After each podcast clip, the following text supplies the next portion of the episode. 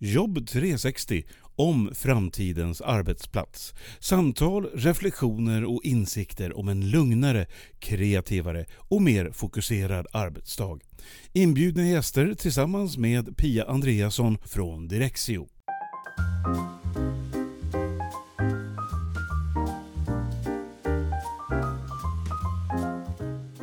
AI, igen. Det handlar ju förra avsnittet av Jobb 360 också om. Men så blir det för den som vill hålla sig till det som är aktuellt kring framtidens arbetssätt. Debatten om AI handlar mycket om vilka jobb som kommer att försvinna om vi tar in AI i verksamheten och även vilka fördelar och nackdelar det här kan ha. Du som lyssnat mycket på Jobb 360 vet att jag har en särskild plats i hjärtat för offentlig sektor och alla som finns och verkar där.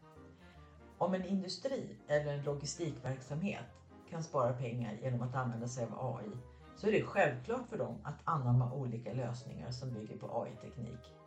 Det händer redan idag. Tekniska lösningar som skapar effektivitet och minskar behovet av arbetskraft har varit aktuella inom den privata sektorn i alla tider. Så det är inget konstigt. Men hur ser det ut inom den offentliga sektorn? Där finns det ju inte några vinster att räkna hem. Och sen är det det där med upphandling och att alla behöver komma till tals. Så hur är det inom det offentliga? Vad får de inte missa? Och finns det vinster att hämta hem även för samhället? Jag har bjudit in två experter för att diskutera just det här. Välkommen till Jobb 360!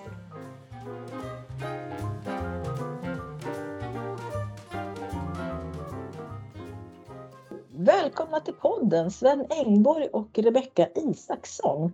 Idag ska det ju som sagt handla om AI och tänkte att eh, vi får börja med att presentera er. Rebecka, vill du börja? Vem är du? Hej, Rebecka Isaksson. Jobbar på ett bolag som heter AI-labbet. Vi fokuserar på strategisk rådgivning och konsulting runt AI och AI-tjänster framför allt. Eh, en del hybrid work såklart och digitaliseringsfrågor generellt men framför allt AI och med siktet på AI. Och då pratar vi om ansvarsfull AI och med det menar vi alltså att man tar hänsyn till data och informationssäkerhet, personlig integritet. Sen eh, pratar vi också väldigt mycket om det juridiska. Att man kan göra rätt och att man ser till att man gör rätt från början juridiskt sett och det vet jag att vi ska prata lite mer om här idag, kommer osökt in på det. Och sen även att man ska ha med etiken. För bara för att någonting är lagligt så behöver det inte vara etiskt riktigt. Så det är vad vi sysslar med. Okej, tack. Och eh, Sven Engborg, berätta lite mer. Vad jobbar du och vad gör ni för något? Ja men hej, kul att vara här. Sven Engborg heter jag, jobbar för DoRight som jag grundade 2015 och vi brinner ju för att införa Teams eller nya arbetssätt ska jag säga, det är mycket mer relevant till verksamheter som använder Microsoft 365. Och med nya arbetssätt menar vi ett eh, arbetssätt som är mer transparent, mer modernt och där man lämnar e-post och filserver till förmån för de här nya tjänsterna som finns i Teams. Vi jobbar också väldigt mycket med teknologin bakom och mycket kring förändringsledning, strategier och jag älskar att provocera frågan varför? Varför vill ni gå in i Teams? Vad vill ni få ut för nytta, för värde för verksamheten? Och sen måste man ju alltid också skrapa på ytan kring eh, det juridiska, det går ju inte att komma ifrån och det är också ett spännande område. Det låter som att vi kommer att få höra en hel del om juridiken här men jag antar att man inte hinner så jättemycket på en podd-halvtimme om det här med juridik. Men ni betonar i alla fall det båda två att det är väldigt viktigt att man har det lagliga med sig och att inte bara kasta sig in i någonting. Eh, jag tänkte vi ska dela upp det här lite idag så att inte vi alla tre pratar i munnen på varandra för att vi brinner ju alla tre för att digitala möjligheter ska kunna komma till nytta ute i verksamheterna och särskilt då offentlig sektor. Och då är det lätt att man blir lite entusiastisk. Så det jag tänkte är att först får du Sven berätta vad som mm. måste till då kanske i offentlig sektor för att de ska kunna dra riktig nytta av det här med AI och den nya digitala arbetssätten. Och sen Rebecka så tänkte jag att eh, om du funderar lite kring vad kan man då uppnå om man nu krattar i manegen ordentligt och, och förbereder sig noga. Vad finns det då för möjligheter inom den här nya tekniken? Låter det bra Rebecka? Låter jättebra. Ja, Sven, är du okej okay med att börja här då och berätta vad finns det för hinder nu för AI och nya digitala arbetssätt att landa i offentlig sektor? Ja, spännande område verkligen.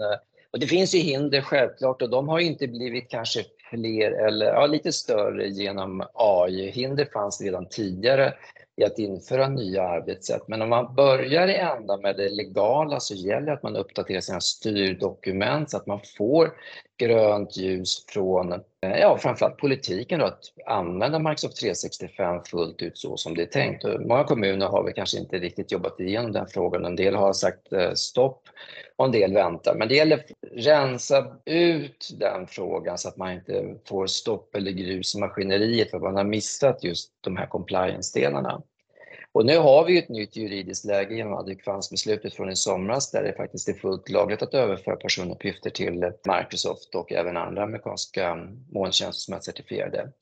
Det gäller ju inte sekretessbelagd information som lyder under OSL.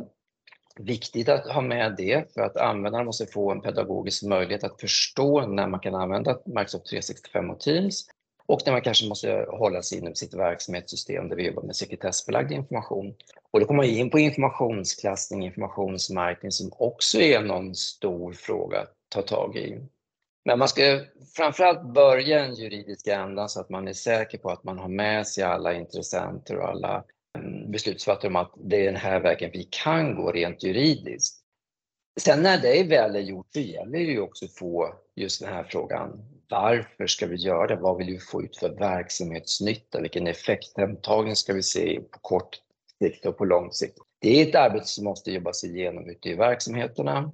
Förvaltningarna måste själva jobba igenom de, de här varför-frågorna och hitta då bra mål och syften syfte och engagemang med att driva den här förändringen som det kommer att innebära. För det är ju ett förändringsarbete. Det är inte bara att utbilda, eh, så här, det är inte bara att lansera en ny teknik och det är heller inte bara att utbilda, utan det gäller att driva en förändring för att kunna möjliggöra det här arbetssättet och de här nyttorna som sedan leder till att man kan implementera generativ AI i form av Copilot som Microsoft lanserar nu under hösten. Jag tänker på det här som du säger med att det nu är lagligt och så. Det är ju mm. en sak som har kommit i somras och jag tänkte bara be dig berätta var någonstans kan man hitta information om det? Då? Om, någon, om någon lyssnar på det här och inte visste att det har tagits ett nytt beslut på Europanivå. Ja, ja precis. Det finns ju på IMYs hemsida, imy.se. Det är ju nästan den eh, bästa källan för det är Integritetsmyndigheten i Sverige som lyder under EDPB, alltså Europeiska dataskyddsbyrån. Och eh, det är ju EU-kommissionen som har fattat beslut om att godkänna det här nya lagramverket. Så det finns ju, jag skulle säga framförallt IMY, men säkerligen har ju andra leverantörer också referenser till det här nya lagrummet. Kommunerna har jobbat på väldigt olika sätt när mm. det gäller deras digitala miljö. Och det måste ju vara ganska många kommuner som har jobbat på ett sätt som tänjer på laggränserna, som att de har varit olagliga tills nu och nu ska de helt plötsligt bli lagliga. Det som jag har stött på är ju att många medarbetare har ju tjänstetelefoner och i de tjänstetelefonerna så kommer de åt molnbaserad information. Men de har inte vetat om att de har haft den resursen och de vet inte heller om ifall det är okej okay att använda den eller inte. Så är det någon, någon sån här uppdrag som de måste ta åt sig nu, att förstå hur har folk jobbat hittills och hur kan vi göra det lagligt då? Eller är det fortfarande olagligt så vi måste stoppa vissa saker? Ja, det är nog ganska bra att göra en nulägesanalys för de flesta kommuner som jag varit i kontakt med har ju gjort en, någon form av Microsoft 365-lansering kanske för flera, flera år sedan. Och då har man ju inte alls gjort det med, med den här integritetsfrågan eller sekretessfrågan med på bordet överhuvudtaget. Så idag överförs det nog både det ena och andra till en molntjänst. Och innan det här nya dekvansbeslutet var det, alltså då var det ju faktiskt juridiskt eh, inkorrekt att göra så. Men nu är det korrekt, men det gäller då inte sekretessbelagd information och där är det ganska få verksamheter som har tagit tag i den här informationsmärkningsfrågan eller informationsläsningsfrågan. Så det förekommer säkert massor med sekretessbelagd information i mail eller kanske i SharePoint eller Teams eller chattar och även då i telefonapparna. Så där måste man ju hämta hem det här och säkerställa att vi inte lämnar ut sekretessbelagd information till en molntjänst utan ska få det till de verksamhetssystem där de hör hemma. Och det finns nästan alltid. Det finns ett IAR-system, det finns HR-system, det finns andra verksamhetssystem som ska äga den sekretessbelagda informationen. Men det är mm. helt, helt sant att nu, en nulägesanalys bör man göra för att se hur ser informationsöverföringen ut till Microsoft 365. Har vi någon kontroll på det eller är det fritt? Är det fullt blås? Kan användarna skapa teams själva? Har vi ingen reglering på hur de för över information till 365? Då har vi ett legalt problem. Ja, det första, alltså se till att det finns styrdokument och sen se till att man har legala på plats och sen så vara tydlig att alla vet vad som är sekretessbelagt. Det. Men det finns ju också det här som heter digital skuld. Hur, hur kan man förhålla sig till det då i det här läget? Ja, det måste man ju förhålla sig till för det första och den är ganska stor för 365 är ju en omfattande plattform som hanterar massor med innehåll. Det är inte bara mejltjänsten utan det är ju Teams och där bakom ligger SharePoint och så har vi den, eh, chatten. Och de flesta har ju släppt det ganska fritt med Microsoft 365, vilket innebär att alla användare kan skapa Teams och SharePoint-grupper och självklart och chattgrupper. Och då finns det ju tusentals Teams idag som man inte har kontroll på. Man vet inte om de är aktiva. Man vet inte vilken information som finns då. Man har ingen koll på behörighet till de teamen. Så det där är någonting som man måste gå igenom. Det är ett städarbete att gå igenom den befintliga informationsmängden. Men sen måste man också få plats någon form av förvaltningsorganisation som styr upp det här framöver så att man får kontroll på alla team som skapas och var någonstans användarna är någonstans. Var samarbetar de? Är det i chatten eller i Teams-kanaler? Delar de filer från OneDrive eller från SharePoint eller de kvar i mail? Och det blir än viktigare med Copilot för att Copilot kommer ju hitta all information som användaren har access till och då måste man ha koll på det. Ja, så att det inte rinner in en massa information som det inte var tänkt att en viss person skulle ha. Och förut har man ju också kunnat tänka på det genom att var och en som skapar ett dokument kan ju bestämma vem ska ha tillgång till detta. Men den kunskapen märker jag också att den inte riktigt finns. Alltså det, vissa lägger ju dokument där, där tio personer kan komma åt det då i hela avdelningen utan att tänka på att ska nu alla tio kunna se detta? Är det någon finess med det? Eh, Rebecka, du hade en tanke där kring också. Ja, jag tänkte att det här kanske var ett ypperligt tillfälle. Jag vet inte riktigt hur många utav våra lyssnare som faktiskt är bekanta med Copilot. Du kanske kan göra den eh, elevator pitchen här Sven och bara berätta på ja. ett ganska enkelt sätt vad Copilot ja, egentligen ja. är. Jag gick in på det som vore en självklarhet, men det är det förstås inte. Så vad bra, tack Rebecka för att du hämtade hem mig där. Jag har läst om Copilot sedan 16 mars, så att jag kan nästan inte låta bli att prata om det. Men Copilot, det är ju en licens som kommer släppas under hösten som kopplas till de som har E3 och E5-licenser kan köpa en licens för Copilot och det är en applikation som bygger på ChatGPT 4-förmågan fast helt och integrerad i Microsofts Azure-miljö. Så det är ingen data som lämnar den instans man har, men man får fulla potentialen som ChatGPT 4 har i Teams och i alla Office-apparna. Så man kan alltså prompta mot PowerPoint, mot Word, mot Excel, mot Outlook och i Teams på samma sätt som man gör när man jobbar med ChatGPT.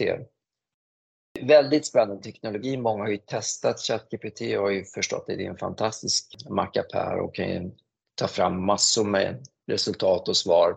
Men den är också behäftad med en viss del hallucinationer. Den gissar ju samtidigt och det är därför det är så viktigt att man har kontroll på sin information innan man slår på Copilot på den egna miljön, på den egna data. För den kommer då gå ut och läsa all information som jag har tillgång till som finns i min OneDrive, som finns i mina chattar, i mina Teams-kanaler, SharePoint-ytor och i mail. Om man då testat ChatGPT lite grann så märker man ju ibland hur den fyller i luckorna med lite vilda gissningar och på samma sätt kommer det fungera i vår egen Microsoft 365-miljö. Så ju bättre data vi har, desto bättre svar kommer vi få. Skit in, skit ut kan man säga. Så att har man då en miljö som är helt omanagerad, helt fri för användaren att skapa teams och grupper och ladda upp filer, så kommer man ha stora problem med vad är det egentligen för svar vi får och vad är det för informationen hittar. Det kan ju vara väldigt känslig information som jag råkar access till och det kommer ju Copart utan problem att använda sig av och bygga upp ett svar på min fråga. Så det här med data governance eller content governance, det var ju viktigt innan Copilot för ordning och reda och regel efter levnad. Men nu blir det helt avgörande för att kunna tillämpa den här typen av generativ AI på sin egna miljö. Och, och, där, om jag bara får komplettera då, jag ska ta det ännu ett steg tillbaka och riktigt ta det i lekmannatermer. För jag tror att väldigt många som lyssnar kanske använder ChatGPT idag väldigt mycket för att samla information och för att kondensera information, hitta information och, och syntetisera eller, eller kondensera. Alltså skriva en sammanfattning eller skapa en, ett executive brief eller någonting. Medan då Copilot är det som man brukar kalla för generativ AI, det vill säga man använder den för att skapa content. Det vill säga man skulle kunna prompta Copilot att hjälpa en skapa en rapport. Man kan använda det för att skapa Excel-rapporter över säljdata och så vidare. Men det skulle jag vilja säga är den, är den absolut mest basala distinktionen att göra. Att, att det handlar om att skapa ny content, alltså generera content där mm, generativ mm. AI. Då. För att göra det riktigt busenkelt hoppas ja. jag. Busenkelt för oss i alla fall. Jag hoppas att det är det för lyssnarna också. Ja, det är en ganska abstrakt materia det här, men det är helt rätt som du säger. Och den skapar ju innehåll baserat på det innehåll vi har i Microsoft 365 och det innehåll som jag har access till utifrån ja, graf API, utan den behörighetsmodell som finns. Så därför är det så viktigt att säkerställa då access till Teamsgrupper för att det har vi delegerat ut till slutanvändaren. Att jag kan skapa ett team, jag kan bjuda in dig, Rebecka och Pia i det här teamet och sen kanske jag gör Pia till ägare och Pia bjuder in i sin tur några människor och sen slutar jag. Så vi har ju totalt tappat kontrollen på behörigheten till grupperna, vilket innebär att vi vet inte vad som finns i grupperna och vi har ingen, ingen kontroll på vilka som har access till grupperna och Copilot kommer hitta allt som den har access till. Jag tycker det är lite konstigt. Förut om man hade nyckelhantering, liksom, då var man väldigt noga med vem som fick nyckel till vilka lokaler och så vidare. Man fick kvittera ut och ha sig. Men i det digitala landskapet, där precis som du säger Sven, där delar man ut nycklar hej vilt och tänker inte ens på att man ger folk tillgång till, till information. Ja, du kan kopiera nycklarna hej vilt också. Ja, så det är, det, är, fullständig spridning på det. Så det är väl, jag tror att det blir ett paradigmskifte här när vi kommer behöva hämta hem det här arbetet med ostrukturerad information som vi har släppt ganska fritt sedan e-mail kom någonstans på 90-talet. Så har vi släppt hela det här tänket med att vi ska ha ordning reda på dokument och innehåll ganska fritt och låter var och en lite göra som den vill och släpper accesserna fria. Så det, det, det blir en förutsättning för att få effekt på Copilot och AI till system också att man måste styra upp det här lite mer. Chef måste ta ett större ansvar för informationen, på, på behörigheter och på hur vi jobbar. Så att efter man har tagit fram de här styrdokumenten och fått koll på juridiken och benat ut vad som är sekretess och inte sekretess så har man då en digital skuld och den säger du Sven nu att den beror väldigt mycket på att man har lagrat upp så mycket eh, som man måste få ordning på. Att städa sa du och, ja, och, och ja. få bort det så att det är bara relevant information som ligger på rätt ställe helt enkelt. Och ja. sen då, det här med ett vettigt gemensamt arbetssätt. Vad, vad ser du att det behövs för att det ska hamna på plats? Det, det, krävs ju ett ganska gediget eh, förändringsarbete som drivs av ledare och chefer i verksamheten. Än så länge har IT fått vara ansvar för Microsoft 365 som en slags infrastruktur som de trycker ut på verksamheten och verksamheten landar i nästan uteslutande att använda Teams som en Skype 2.0-klient, det vill säga man har Teams-möten i den och man chattar i den och nyttjar otroligt lite de andra förmågorna. Så man måste vända på steken här och hitta verksamhetschefer som vill driva den här förändringen. Nu ska vi jobba tillsammans transparent i Teams-kanaler så som det är tänkt. Vi ska inte vara i chatten förutom när det är lite mer privat eller one-to-one-samtal. Och det kommer vara en väldigt stor nytta man gör det om man då ska använda Copilot, för då kommer den jobba mot mer strukturerad information som ligger i tydliga sammanhang. Och man måste hjälpa Copilot helt enkelt att förstå vad det är för information vi har genom indexeringen i form av att vi har ett team, vi har kanaler, eh, vi kanske också har en informationsklassificering på plats och så vidare. Men det arbetssättet kommer ju kräva att man är överens om att vi på den här förvaltningen eller den här avdelningen, vi jobbar så här och då måste alla göra så. Man kan inte ha två som bryter mot det för då tappar vi effekten av arbetssättet och samtidigt också effekten av Copilot ifall jag vill använda Copilot för att ta fram en presentation baserad på tidigare rapporter. Då blir det inget bra om två rapporter ligger i någons OneDrive eller i mail som inte jag kommer åt, för då missar jag mycket information. Och det, och det kommer jag inte märka heller, att jag kanske missar 20% av informationen. Så det blir lite mer en för alla för en. Nu ska vi jobba så här och då måste alla göra det. Och då blir, och då blir det också en ledarskapsfråga att driva den här förändringen i arbetssätt. Ja, och peka med hela handen. ja, det sker inte av sig själv. Det är det enda ja. vi vet.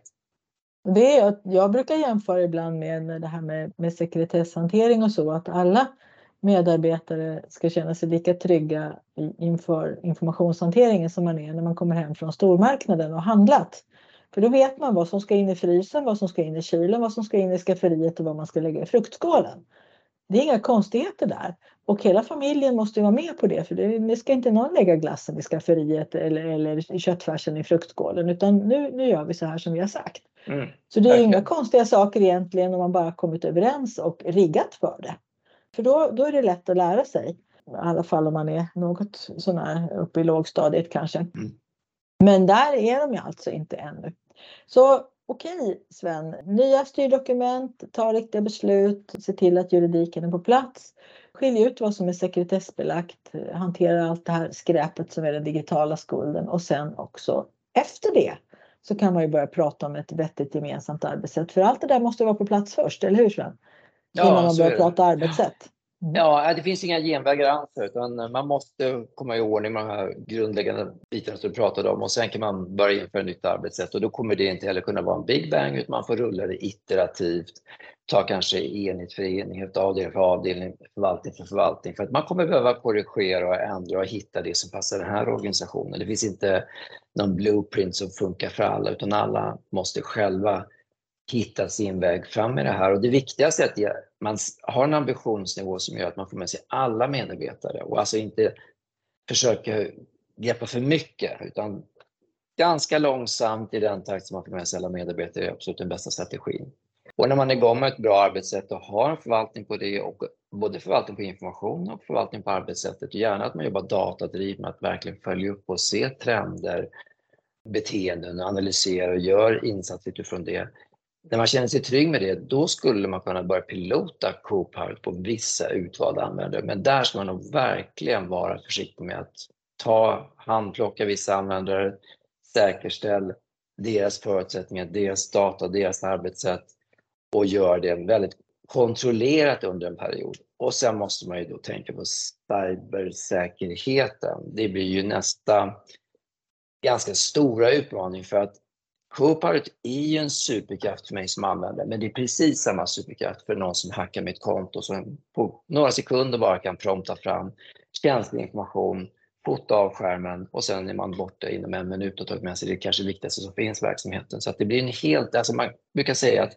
dataskydd, integritet och säkerhet blir på steroider med Copilot. Och det måste man ta med sig in när man planerar och budgeterar för sådana här projekt. Det mm. kommer krävas Väg. resurser. Och väga risk mot möjlighet förstås också. Vilka Absolut. verksamheter och, behöver detta och har nytta av det. Ja, och möjligheten är ju enorm att man kan utan problem räkna fram en effekt om 25% på vissa administrativa roller och det är det är ganska många roller som jobbar administrativt i Microsoft 365-miljön. Och 25% är inte en orimlighet att nå inom en ganska snar framtid. Så potentialen är så pass stor så man bör ju verkligen överväga, inte om, utan hur, när vi ska ta oss an den här nya tekniken. Ja, det är några steg att göra där först och de går ja, inte det kommer att ta hoppa över. Nej, det kommer ta ett tag, så det är, det är inte för sent att börja. Det jag tycker är roligt när jag utbildar det är ju det här att när man för ut den här kunskapen på rätt sätt, möjlighetsdrivet och så, då slår det aldrig fel. Då sitter medarbetarna och säger okej, okay, vi har de här möjligheterna. Då skulle vi kunna och så börjar de prata om vad de i sin verksamhet skulle kunna mm. uppnå nu när alla har den här gemensamma kunskapen om redskapen och vad de är kapabla till. Och jag tänker på samma sätt så kan de säkert identifiera riskerna också. om Absolut. de får chansen. Och det kommer att märka när man pilotar Copilot, så kommer man märka riskerna med att oj, jag kommer åt väldigt känslig information. Eller kanske att Copilot plockar information som i sig är okänslig men när den aggregeras blir jättekänslig. Det går inte att förutse, man måste prova det på sitt egna data. Jag ser jättemycket fram emot Copilot och börja labba med den och börja använda den. Jag ser ju hur otroligt mycket tid jag skulle kunna spara på det här. Jag höll en keynote på en konferens i Birmingham i juli och när jag räknade ihop hur mycket tid jag hade lagt ner på det här presentationsmaterialet så hamnade jag någonstans på mellan 35 och 40 timmar i förberedelser. Mycket av det var sitta och plita i PowerPoint och samla in information där jag använde Bing AI som är Microsofts motsvarighet till ChatGPT då och sparade jättemycket tid på det såklart. Men jag skulle ju ha sparat väldigt mycket mer tid om jag hade haft Copilot som hade kunnat hjälpa mig och sammanställa det här och skapa mina bilder och liksom med lite prompter justera mina bilder och få dem snyggare layoutmässigt även innehållsmässigt då. Så att jag ser jättemycket fram emot det här. Det kommer göra enorm skillnad för mig och det handlar ju inte Mm. bara om att jobba snabbare och lägga mindre tid utan det handlar ju för mig också om välmående. Jag kan bli ganska stressad och frustrerad när jag sitter och jobbar i, i PowerPoint. Trots mina 15 år på Microsoft så eh, tycker jag att PowerPoint kan vara lite jobbigt ibland. Så att Mm. det, det kommer ju också in, alltså att man minskar frustrationen och stressen och man får mer tid tillbaka. Man kan bättre integrera sitt professionella liv med sitt privata liv och så vidare när man sparar tid. Så att superentusiastisk för det här. Det man ska vara medveten om då, det jag egentligen tänkte komma till var ju att det är en ganska stor investering. Företag och organisationer idag ganska strikta budgetar med tanke på att vi är i en lågkonjunktur och så vidare. Offentlig sektor har kanske ännu hårdare sparkrav eller liksom striktare budgetar. Det är en ganska stor investering. Den hamnar på ungefär 50 dollar per användare per månad. Och det kan man då jämföra med andra vissa specialtjänster inom Viva-plattformen som man tyckte var ganska dyra när de kom och kostade 5 dollar per användare per månad. Så att, bara så att vi är säkra på att alla som sitter och lyssnar där inte tror att oh, det här kommer vi få i höst. För dels är det en ganska stor investering och sen precis som Sven har sagt, som jag tycker är jättebra, så kommer man behöva testa och man kommer behöva pilota. Så att det kanske dröjer ett år innan många av våra lyssnare får en chans att uppleva det här fantastiska nya. Det ska jag absolut ta med mig. Det ligger kanske ett, två borta, men det är viktigt att man börjar ta tag i frågan redan nu. För man kan göra mycket arbete redan nu Absolut. i, i, i det förberedande. Och det som man kan vinna på det som jag också ser, det handlar ju om att generera information och gör man sitt grundarbete så får man ju väldigt bra informationsunderlag.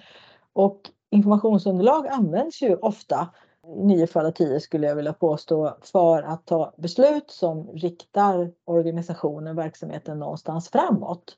Och Mm. de besluten sen i nästa steg ska ju då gynna medborgarna i kommunen eller, eller inom myndigheten där det de har. Och ju mindre tid vi behöver lägga då på att få fram de här bra underlagen, desto mera tid kan man ju lägga på att diskutera fram bra beslut och sen implementera dem. Så att man inte är helt utmattad när man har tagit fram sin powerpoint där som du berättade Rebecka. Och sen när folk liksom vill komma vidare med det, då orkar du inte med din kompetens.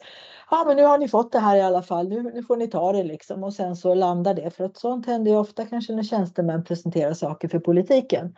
Att eh, de orkar inte ta det vidare för att de har lagt sån tid på att ta fram informationen.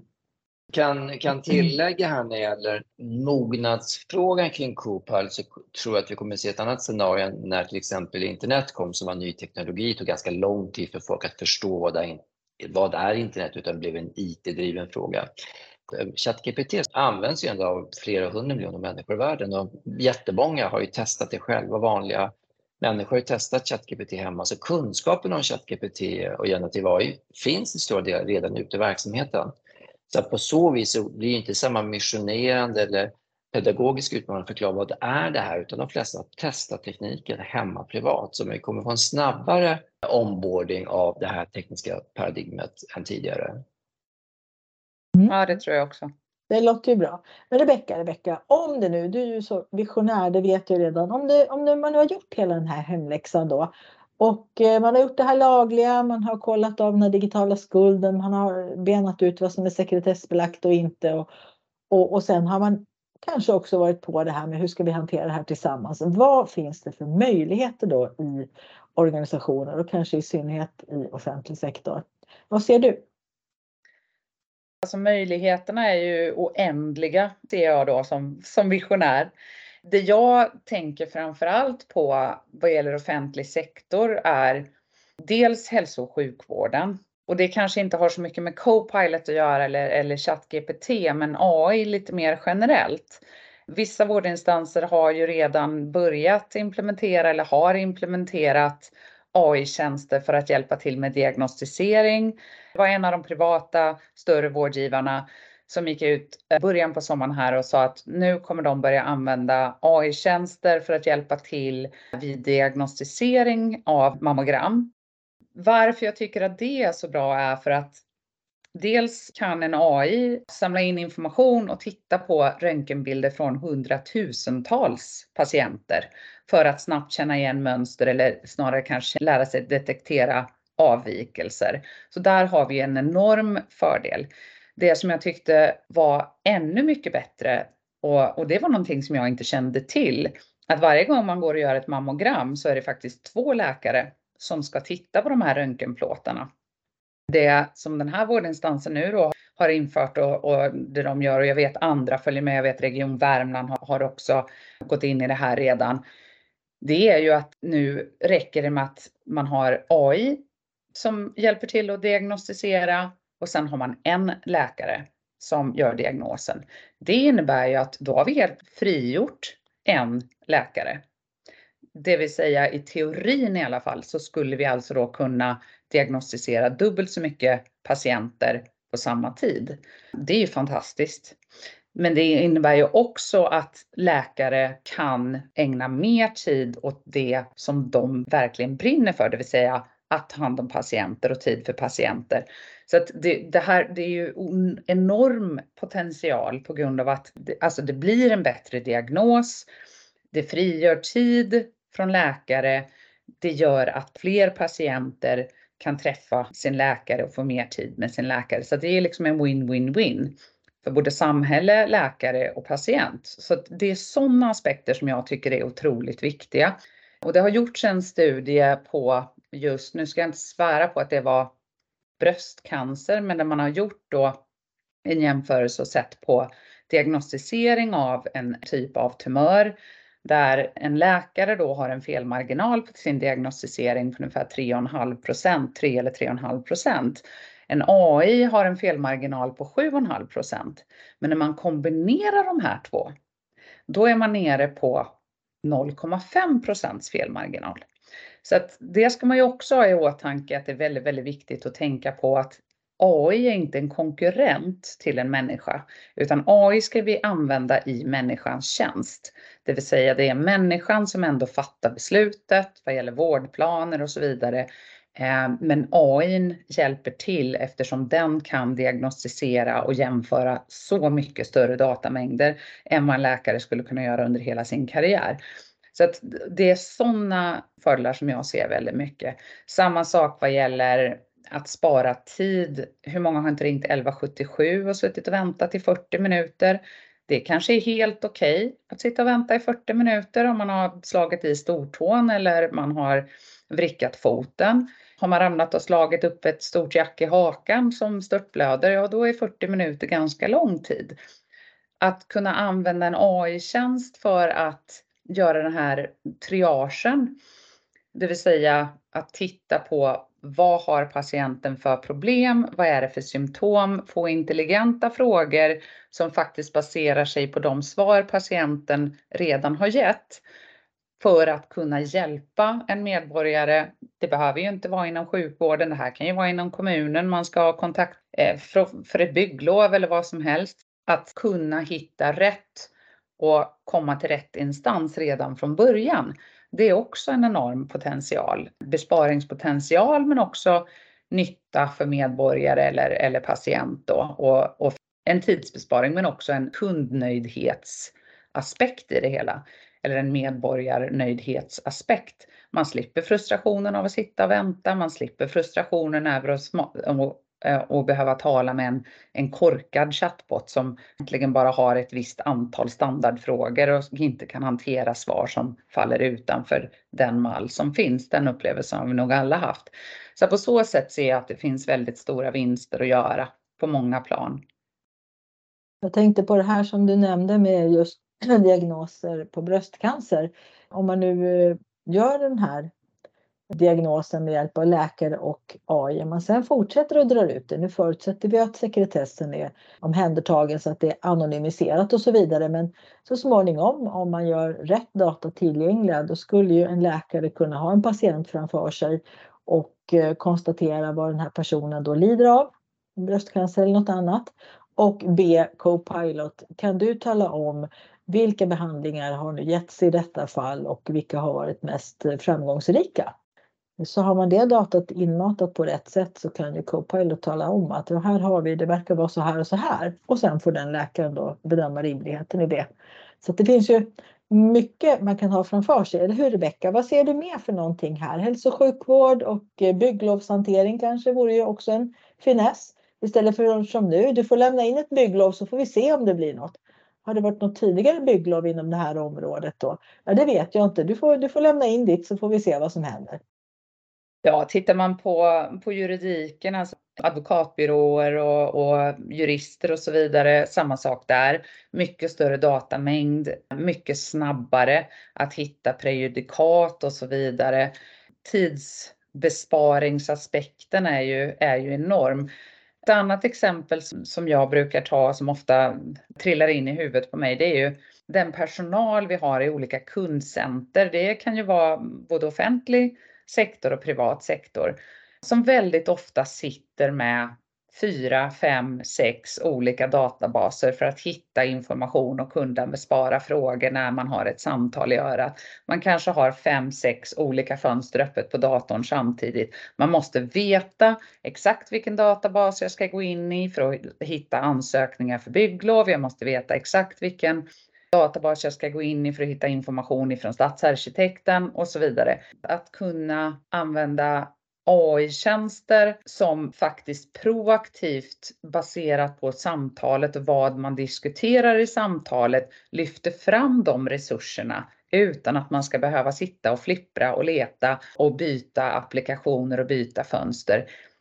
Tidsbesparing, frustrationsbesparing, bättre resultat i slutändan. Så att finns otroligt mycket fördelar och otroligt många olika eh, tillämpningsområden. Du och jag har ju talat vid tidigare här i våras om intelligenta soptunnor som känner av om den är halvfull eller mer än halvfull som direkt då skickar signal till den som kör fordonet som ska hämta upp avfallet kan optimera ruttplanering och så vidare. Enorma besparingspotentialer för kommuner som sköter den här avfallshanteringen och så vidare. Det är väl egentligen bara fantasin som sätter gränserna skulle jag vilja säga. Det låter bra. Fantasi och eh, se vad vi har för resurser och vad kan vi göra med dem. Det är väl det, är väl det som är nyckeln till det här. Men Sven, jag backar tillbaka till dig då. Vilka fördelar tycker du att man ska hämta hem nu när det faktiskt är okej okay att använda 365 och eh, det är mera möjlighet till laglighet och så. Vad, vad, vilka fördelar tycker du att man kan hämta hem först? Kanske mest lågt hängande frukten det är ju de urusla mötesvanorna som nästan alla organisationer har. Det finns ju flera studier som pekar på att tjänstemän sitter 50% av sin arbetstid i interna möten och de säger samtidigt att 50% av de här mötena är ganska meningslösa. Det finns en enorm frustration kopplat till att man sitter i meningslösa möten också en stor tidstjuv och där kan man ju med ett bra transparent arbetssätt i Teams direkt adressera mötesfrågan om man, har det, om man tillämpar den metodiken och har den målsättningen. Så att jag skulle säga möten är väl det som de flesta känner som ett eh, väldigt prioriterat område för att direkt hämta hem tid, men kanske, kanske också ur, ur en eh, medarbetarfråga, att slippa alla dessa möten. Där kan man ju också då ganska fort lägga på AI i form av Teams Premium som då har den här Meeting Recap, kommer väl på svenska säkert senare. Där finns möjlighet att spela in möten på möten, analyserade och sammanställda uppgifter och liknande. Så att det kommer mer och mer AI-stöd även där, men bara att gå in och jobba i Teams så som det är tänkt, det vill säga i Teams-kanaler transparent tillsammans, kommer kunna minska mötesstycket rejält. Vi har gjort studier som visar att de som är bra på att jobba i kanaler har 25% färre möten än de som nästan bara jobbar i chatten. Så den ska jag nog rekommendera dig, för det, alla håller med om att det är ett otroligt angeläget område att adressera.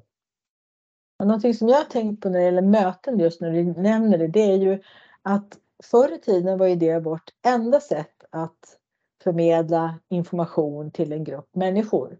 Så att alla hade samma information, nämligen man lyssnade på samma person som sa samma saker tillsammans. Sen kom ju tryckkonsten och skrivkonsten först och tryckkonsten sen och då kunde man ju duplicera information och dela ut. Eller som, eh, som man gjorde i det antika Rom. Man kunde knacka in saker på en stentavla som stod i samhället som berättade olika saker. Till exempel vad det var för riktpris på potatis och sånt så att alla visste det. Eh, och det är faktiskt på riktigt att de gjorde så. Men nu har vi fastnat i den här möteskulturen och jag ser ju att när vi människor kan lära oss att kommunicera asynkront. Det pratade du också Rebecka om. Att jag kan ta emot en information eh, nu och Rebecka hon läser den lite senare och Sven han tittar på den på tåget. Och sen så när vi ses nästa gång så har vi alla med oss den informationen utan att vi för den skull har behövt titta på någonting eller lyssna på någon vid samma tidpunkt. Och där tror jag det kan bli en stor utmaning att vänja människor vid den här asynkrona kommunikationen. Vad tänker du kring det Rebecka? Ja, jag tycker det är en jättebra poäng. Jag jobbade ju själv då sista tre åren innan jag lämnade Microsoft ja, för snart ett år sedan mot vårt huvudkontor eller jobbade för vårt huvudkontor i Seattle. Tidsskillnad på nio timmar och jag såg ju ganska snabbt att jag tillbringade ju ja, lätt fyra timmar varje morgon med att lyssna igenom inspelade Teams-möten som hade skett under natten när jag låg och sov. Inte nog med att det var ganska tidsödande, men det var ganska tråkigt också för att det är inte så att allting som sägs på mötet är 100% relevant för mig och för mitt arbete. Så att kunna jobba synkront och att jobba mer strukturerat i kanaler att använda den möjlighet som finns att tagga eller man behöver inte ens tagga saker idag därför att sökfunktionen är så intelligent och AI-baserad även den då såklart. Så att jag kan med ganska enkla medel, eller med väldigt enkla medel ska jag säga, leta upp den del på mötet som är extra relevant för mig och sen kan jag gå in och lyssna på den biten för att jag verkligen vill vara med och höra allting som har sagts runt ett specifikt ämne. Det tycker jag är en enorm vinning, framför allt för de som jobbar i olika tidszoner. Men det ger också möjlighet att alla kanske inte måste vara med på alla möten varje dag, utan man faktiskt kan hoppa över fler möten, hämta hem den informationen och ändå delta i samarbetet i kanalen för att komma framåt, föra arbetet framåt. Det är ju en jättestor vinst och återigen, jag vet att jag börjar låta som en, en hackig skiva här, men det bidrar också till välmående hos individerna inom organisationen. Det minskar stressen, det frigör tid, man mår bättre helt enkelt.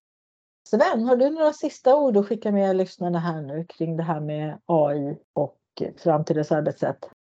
Ja, det är väl nog att man redan nu ska börja planera för att möjliggöra en AI-implementering och det jobbet är inte gjort i onödan. Det måste man göra i vilket fall som helst. Man, man får ett mycket större incitament när man ser AI-potentialen att göra det här jobbet som jag har gjort. Ta tag i den digitala skulden, titta på hur vi ska få in gemensamma arbetssätt börja planera, börja budgetera och börja undersöka var någonstans finns de här nyttorna som vi kan hämta hem. Så det är hög tid att börja arbetet i någon form nu, även om, som vi var inne på tidigare, det kanske är ett, två år bort innan själva verktyget eh, finns på plats. Men det kommer vara en, eh, en, en ganska lång och mödosam väg att komma dit och dags att börja nu. Två snabba saker som jag skulle vilja skicka med våra lyssnare innan vi rundar av. Vi har pratat om tekniska, ekonomiska och lagmässiga hinder.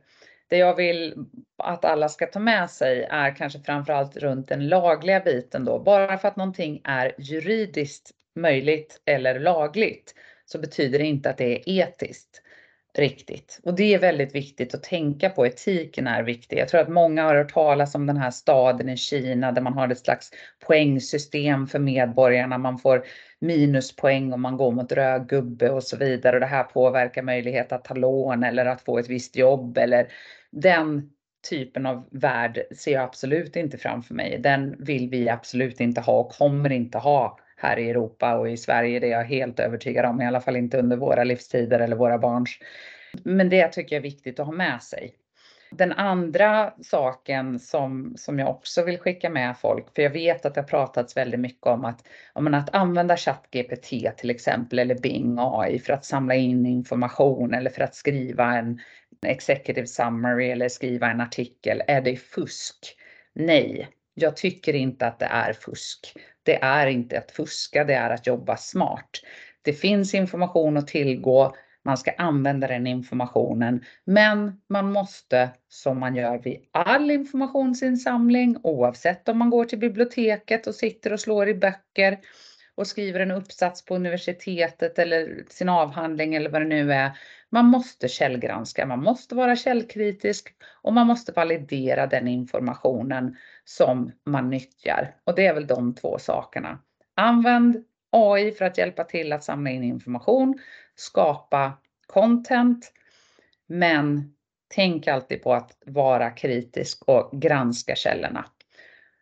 Jag tänkte faktiskt avsluta det här med en replik från mig och jag tror ni kommer att stryka under det med dubbla streck för det här är inte något original Pia Andreasson utan det här har sagts flera gånger förut av väldigt många kunniga människor men det kan man gott och väl säga igen.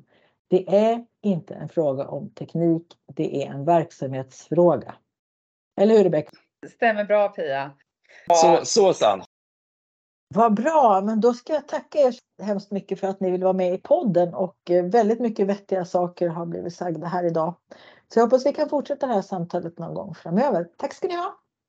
Tack, Tack. Pia, jättetrevligt. Tack.